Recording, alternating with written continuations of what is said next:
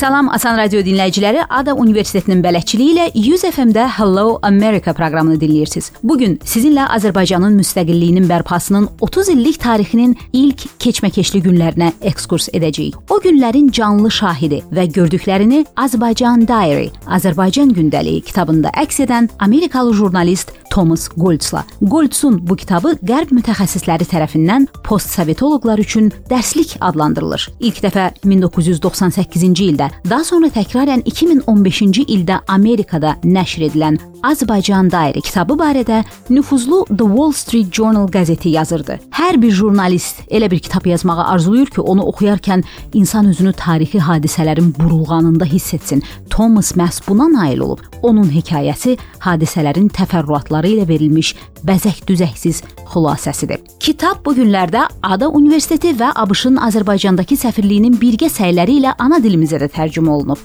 Şəhərimizin kitab mağazalarında tapıla bilər.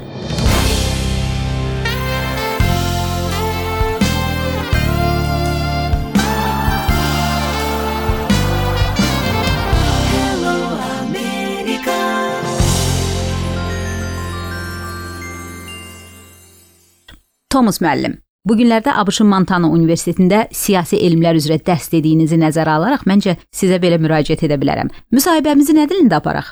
Mən çox sözlərdə unutmuşum çünki bir takriben bir ildir Azərbaycandan uzağım ve Amerika'da, ABŞ'da yani danışmıyorum Azerbaycan dilidir. So, xahiş ederim ki yani bana pis bir şekilde bakma. Üzürlük hesab Çünki edirik. bəzi yəni sözlərdə eksik də olacaq. Dinləyicilərimiz üçün onu da bildirim ki, Thomas Goltz Azərbaycana 1991-ci ildə gələn nəinki ilk Amerikalı jurnalist, ümumiyyətlə ilk xarici jurnalistidir. Thomas son günlərini yaşayan Sovet İttifaqı təsəvvür edirəm ki, bir qərb jurnalisti üçün çox maraqlı bir tədqiqat məkanı idi. Nəyə görə siz o böhranlı günlərdə məhz Azərbaycana gəlməyi seçdiniz? Uzun bir hekayədir, but I'll explain in English as, as briefly as possible. Uzun hekayədir, amma mümkün qədər qısa izah eləyəcəm. Mən 80-ci illərdə Washington Post qəzetinin Türkiyədə müxbiri kimi çalışırdım. Tədqiqat işimi genişləndirmək üçün o zaman Sovet İttifaqı tərkibində olan türk dilli ölkələri araşdırmaq məqsədi ilə 2 illik qrant qazandım. Əsas oturum yerim Daşkənd olmalı idi. Qrant proqramı qaydaları mənə jurnalist kimi fəaliyyət göstərməyə icazə vermirdi. Mən bütün əşyalarımı Daşkəndə göndərdim. Təsadüfdən həmin günlər 1-ci Körfəz müharibəsi başladı. ABŞ-ın rəhbərlik etdiyi çöl fırtınası əməliyyatı nəticəsində İraq böhran içində idi. Daşkəndə gedərkən Türkiyədə dayanmaya bilməzdim. İraqda vəziyyətin necə olduğunu işıqlandırdım. Orada işimi bitirdikdən sonra İstanbulda Aeroflot ofisinə gəldim. Lakin onlar mənə vizamda əksiklik olduğunu bildirdilər. Sovet konsulluğu isə San Fransiskoya qayıdıb yeni viza almağımı tövsiyə etdi. Məsləhət üçün TASS agentliyinin əməkdaşı Sovet Azərbaycanından olan həmkarıma zəng vurdum. O bildirdi ki, İstanbulla Bakı arasında birbaşa yeni uçuş açılıb. Özümü Bakıda Sovet gömrüyündən bir təhər keçirsəm, onun ailəsi məni qarşılaya bilər. Yoldaşım türk idi. Özüm də türk dilində danışırdım. Risk edib yola düşdük.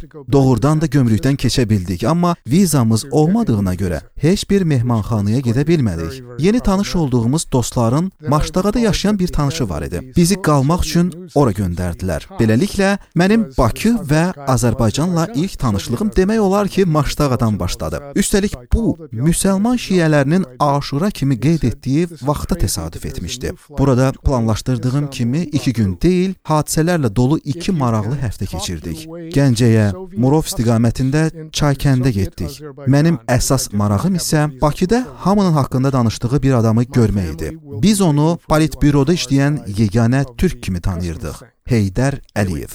Qatara oturub Naxçıvana getməyimizi və Heydər Əliyevlə tanış olmağımızı əngəlləməyə çalışan kifayət qədər adam olsa da, biz bunu etdik. Bu mənim cənab prezidentlə ilk görüşüm idi. Heydar Aliyev and I had a unique relationship through the years, and so it's difficult to. Heydər Əliyevlə mənim illər ərzində xüsusi münasibətlərim yaranmışdı. Onunla Vaşinqtona səfərləri zamanında görüşürdük. İlk görüşümüzdə o, Naxçıvanda qohumları ilə kiçik mənzildə yaşayırdı. Xatırlayıram ki, söhbətimizi diktafona yazıb, sonra Bakıda məzmunu anlamaq üçün bir-iki tanışdan kömək istəmişdim. Çünki Sovet siyasi terminologiyası barədə geniş biliklərim yox idi. Amma söhbətinin sonunda dediyi bir ifadəni bu günə qədər xatırlayıram.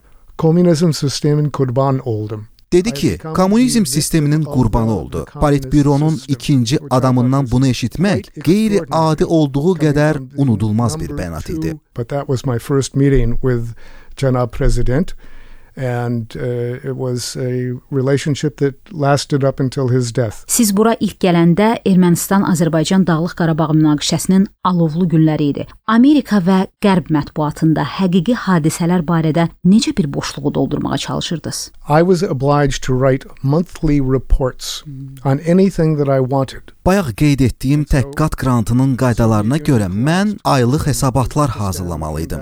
Mövzu seçimində azad idim. Sovet İttifaqı dağılanda biz Özbəkistanda idik. Düşündük ki, işlərimizi bitirəndən sonra Bakıya gəlib bir ay filan qalarıq. Bakı qaynayırdı. Azadlıq meydanında etirazlar bitmirdi. Mən sahil yanında meydana yaxın qaldığıma görə müxtəlif adamlarla görüşə bilirdim. Həm xalq cəbhəsindən, həm də yeni yaradılan Xarici İşlər Nazirliyindən. Məhz burada ilk dəfə Elmar Məmmədiyarov, Araz Əzimov kimi diplomatlarınızla tanış olmuşdum. Xatırlayıram, bir axşam Elmar Məmmədiyarov mənə zəng vurdu və bildirdi ki, Azərbaycan müstəqilliyinin tanınması məqsədi ilə dünya dövlətləri başçılarına müraciət hazırlayıb. Xahiş etdi ki, onun ingilis dilində mətninə bir göz gəzdirim. Beləliklə mən təsadüfən Azərbaycanın müstəqillik tarixinin kiçik bir parçasına çevrildim. Doğrudur, Qarabağda hadisələr gərginləşməkdə davam edirdi. Bununla bağlı söhbətlərimi tədqiqat üçün hesabat halına salırdım və sonradan onlar Azərbaycan gündəliyi kitabının özəyinə çevrildi. O zaman mən mərhum Vəfa Quluzadə ilə sıx əlaqə yaradırdım. Bir axşam Qarabağda dəhşətli bir faciənin baş verdiyi barədə xəbərlər yayıldı. Xocalıda. Mən Xocalıda əvvəl olmuşdum. 1991-ci ilin payızında Xarici İşlər Nazirliyinin əməkdaşlarının müşayiəti ilə bölgəyə sonuncu səfərim 1992-ci ilin yanvarında Ağdama idi. Orada mən Xocalı hava limanının rəisi Əlif Hacıyevlə tanış oldum. Əlif məni onunla birgə vertolyota minib Xocalıya getməyə və oradakı vəziyyətlə tanış olmağa dəvət etdi. Mənimlə orada daha bir xarici jurnalist, Britaniyalı Hugh Bob da var idi. Lakin o bu səfərə qoşulmağa ürək eləmədi. Mən Əlifə qoşuldum və Xocalıda 2 gün keçirdim. Aydın görünürdü ki, erməni hərbçiləri mövqelərində irəliləyir və yerli əhali mütəllibov hakimiyyətindən kifayət qədər kömək görmür. Əlif Hacıyev və yerli bölmənin hərbçilərinin şəhəri müdafiə etməyə çox az şansları var idi. Bir sözlə, Xocalının taleyi o günlərdə artıq məlum idi. Mənim üçün Xocalı gözlənilməz hadisə olmadı. Faciə baş verən gecəsi xəbər Bakıya çatan kimi mən Vəfa Quluzadəyə zəng vurdum. O telefonda ağlayırdı və məndən jurnalist kimi bölgəyə getməyi xahiş etdi. Ağdama çatanda Xocalıdan ilk qurbanları gətirirdilər. Onlardan bəzilərini şəhərə əvvəlki səfərimdən tanıyırdım. Elə orada eşitdim ki, Əlif Hacıyev də Xocalıda qadın və uşaqları müdafiə edərək həlak olub. Ağdamın qonaq evində oturub Washington Post qəzeti üçün məqalə yazdım. İşləyən telefon xətti ilə məqaləni Amerikaya göndərə bildim. At first the Washington Post refused to believe me. Because, of course, the Armenians are always the innocent ones, and the idea that the Armenians could do something like this to the Azerbaijanis was regarded as impossible. Washington Post ilk olaraq mənə inanmadı, çünki ermənilərin müəyyən məsum bir imici var idi və onların Azərbaycanlılara qarşı belə bir şey törətdiklərinə inanan yox idi. Məqalənin çap olunmasında digər problem bundan ibarət idi ki, Mütəllibov hakimiyyəti Xocalıda baş verənləri rəsmi olaraq etiraf etmirdi. Sabahsı gün Bakıya qayıtdıq. Mən gördüklərimi Bakıda da danışdım və burada öyrəndim ki, Washington Post məqaləmi çap edib. Xocalı hadisələrini mənimlə işıqlandıran bir neçə xarici həmkarım oldu. Amma Qarabağ müharibəsində bəzi hadisələr var idi ki, orada mən həqiqətlərin şahidi olan yeganə xarici jurnalist idim. Məsələn, Kəlbəcərin işğalında. O zaman mən Sunday Times qəzeti üçün yazırdım. Kəlbəcərə hücum iki istiqamətdən aparılırdı. Qarabağ tərəfdən erməni əsilli Amerikalı Monte Melkonyan və onun dəstəsi və Ermənistan tərəfdən. O zaman Ermənistan rəsmi olaraq hələ də bildirirdi ki, onlar Qarabağ ermənilərinə hərbi əməliyyatlarda kömək etmirlər. Mən yazılarımda bu yalanı üzə çıxardım. Sunday Times mənim məqaləmi istifadə etmədi. Bu məni çox qəzəbləndirdi.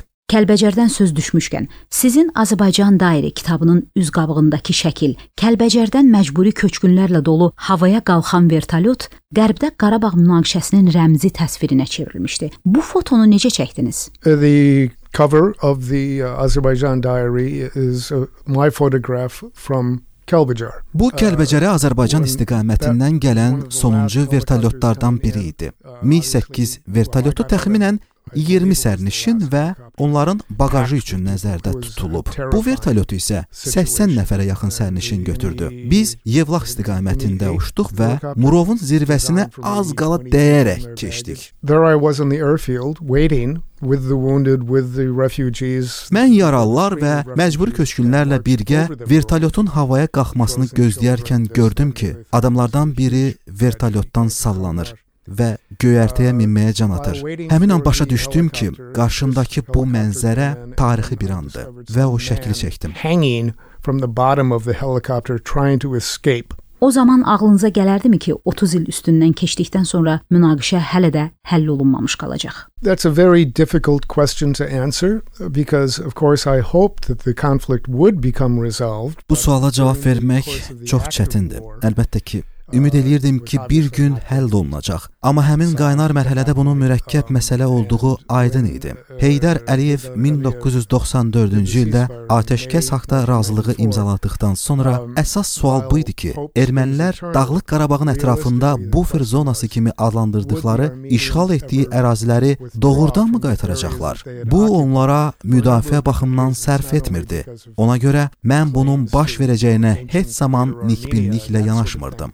Thomas, bu proqrama hazırlaşarkən internetdə aerodrom deyilən yerli papaqda bir şəkliniz çıxdı qarşıma. Azərbaycanı həm yaxından, həm uzaqdan uzun illərdir müşahidə edirsiniz. Sizcə Amerikalılarla Azərbaycanlılar arasında oxşarlıqlar varmı? I'll I'd like to finish this um, English portion of, of our interview with a anecdote. Buna kiçik bir hekayə ilə cavab vermək istəyirəm. Bir dəfə Vaşinqtonda postsovet məkanına dair qapalı konfransda iştirak edirdim. İştirakçılar arasında kifayət qədər tanınmış ekspertlər var idi. Mən çıxış edəndə dedim ki, Azərbaycan tikanlı ənginara bənzəyir. Ona yalnız səthi baxsanız cəlbedici görünməyəcək. Amma onu necə hazırlamağı bilirsinizsə, tikanlı səthini keçib içindəkini səbrlə və düzgün bişirsəniz, o dünyanın ən dadlı təamına çevrilir. Mənim bildiyim Azərbaycan budur. Uzaqdan tikanlı, amma yaxından baxıb düzgün davransanız, o qədər zənginliklər görəcəksiniz ki,